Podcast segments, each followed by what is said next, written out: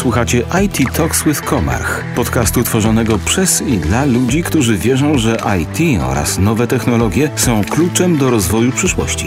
Omawiamy trendy oraz przybliżamy tematy z pogranicza innowacji, IT i biznesu. Rozmawiamy także o rozwoju zawodowym w branży informatycznej.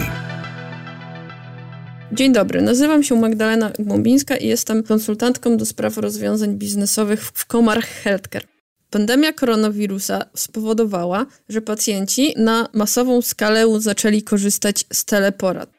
Świadczy o tym fakt, że w Stanach Zjednoczonych odwołano około 70% wizyt stacjonarnych. W dużej mierze odbyły się one w formie zdalnej. Dodatkowym podsumowaniem z rynku amerykańskiego jest fakt, że w 2019 roku tylko 11% pacjentów korzystało z teleporad, a obecnie już 46% ankietowanych pacjentów deklaruje korzystanie z telewizy.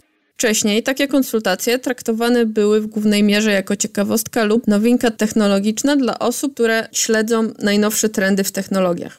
Dodatkowo na ograniczenia prawne występujące przykład w Polsce, na takiej wizycie lekarz nie mógł wystawić recepty skierowania czy zwolnienia lekarskiego. Istniał też problem z refundacją takich wizyt przez płatnika, co zmniejszało jej atrakcyjność zarówno dla pacjenta, jak i lekarza. Tak powszechne stosowanie teleporad obnażyło wiele słabości obecnego systemu oraz brak odpowiednich narzędzi do świadczenia takich usług. Do tego stopnia, że w Stanach Zjednoczonych dopuszczono do użytku popularne komunikatory takie jak Skype, FaceTime czy Messenger. Nie spełniają one w pełni prawa do przetwarzania danych medycznych, które jak wiemy są danymi wrażliwymi. Tutaj pojawia się ryzyko ich ujawnienia. Dodam tutaj, że dane medyczne są najwięcej warte na czarnym rynku. Dodatkowo amerykański odpowiednik NFZ, CMS, warunkowo zarejestrował około 80 nowych serwisów do świadczenia usług telemedycznych. Personel medyczny, który zmuszony był do świadczenia takich teleporad, nie był do tego odpowiednio przeszkolony. I nie chodzi tutaj tylko o to, jak wykorzystać zaplecze technologiczne, ale o to, jak zapewnić taką samą jakość jak podczas tradycyjnej wizyty. Część pacjentów nie jest przekonana do teleporad i nie uznaje ich za pełną wartościową konsultację lekarską. W związku z tym oczekuje na przykład niższej opłaty, a przecież lekarz poświęca pacjentowi taką samą ilość czasu jak podczas tradycyjnej wizyty. Dodatkowo kolejnym problemem podczas realizacji teleporady jest brak pełnej dokumentacji pacjenta oraz przedstawienie jej w przystępnej formie dla lekarza. Obecne systemy nie są do tego przystosowane i obszerną dokumentację przechowują tylko w formie cyfrowej.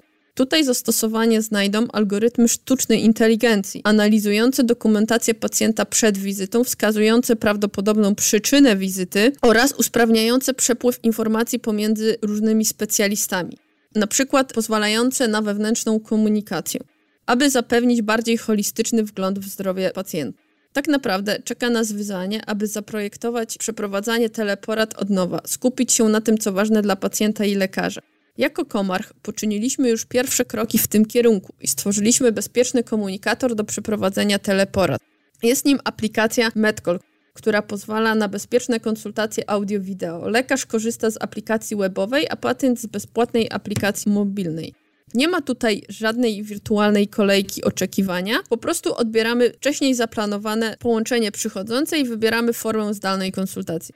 Dodatkowo nasza aplikacja jest zintegrowana z naszą wirtualną książeczką zdrowia. Jest nią darmowa aplikacja HealthNow, której działanie przybliżyliśmy Państwu w ostatnich odcinkach naszego podcastu. Wykorzystanie tych dwóch produktów pozwala na zwiększenie jakości przeprowadzonych teleporad. Należy także zaznaczyć, że nie wszystkie konsultacje lekarskie mogą odbywać się w formie zdalnej. Na pewno nie można ich stosować podczas wizyt, na których wymagane jest badanie fizykalne pacjenta. Możemy natomiast zweryfikować konieczność wizyty pacjenta w placówce oraz skonsultować wcześniej zlecone badania diagnostyczne. Pozwala to pacjentowi zaoszczędzić czas i pieniądze związane z podróżą do przychodni, a często także zrezygnować z konieczności brania dnia wolnego w pracy. Teleporady znajdą zastosowanie także podczas prowadzenia terapii pacjentów chorych przewlekle, którzy, jak wiemy, znajdują się w grupie narażonej na powikłania wywołane chorobą koronawirusową. W tym przypadku nie narażamy pacjenta na kontakt z osobami chorymi. Dodatkowo, na przykład w Izraelu, telemedycynę wykorzystano także podczas opieki nad pacjentami przechodzącymi chorobę koronawirusową. Pacjent przechodzący zakażenie bezobjawowo konsultował swój stan zdrowia w sposób zdalny, dodatkowo uzupełniając go pomiarami podstawowych parametrów życiowych. Takie podejście ogranicza ryzyko zakażenia personelu medycznego, który, jak wiemy, jest kluczowy w walce z pandemią. Natomiast brytyjski NHS podszedł do tego w inny sposób i uruchomił specjalną infolinię dla pacjentów podejrzewających zakażenie COVID-em. Już w pierwszym tygodniu działalności takiej infolinii skorzystało z niej ponad 70 tysięcy osób. Podsumowując, co dała nam pandemia koronawirusa? Na pewno zastosowanie teleporad na tak szeroką skalę pozwoliło nam zweryfikować użyteczność i jakość obecnych rozwiązań oraz wskazało kierunki rozwoju telemedycyny. Omówię teraz dwa najciekawsze według mnie kierunki rozwoju. Jednym z nich są programy wsparcia dla pacjentów chorych przewlekle, zwiększające ich zaangażowanie oraz edukację, a dodatkowo monitorujące parametry istotne dla danej choroby.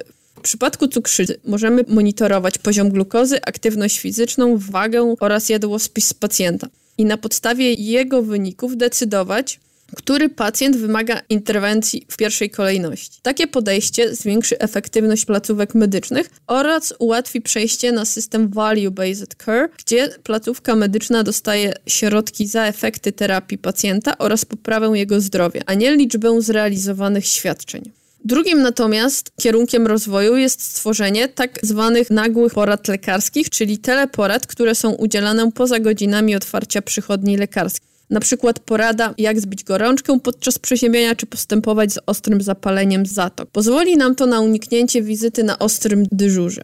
Natomiast my, jako twórcy, musimy się skupić na tym, aby telemedycyna przestała być ciekawostką lub koniecznością wywołaną pandemią, a stała się codziennością. Bardzo dziękuję za uwagę i zapraszam na kolejne odcinki naszego podcastu.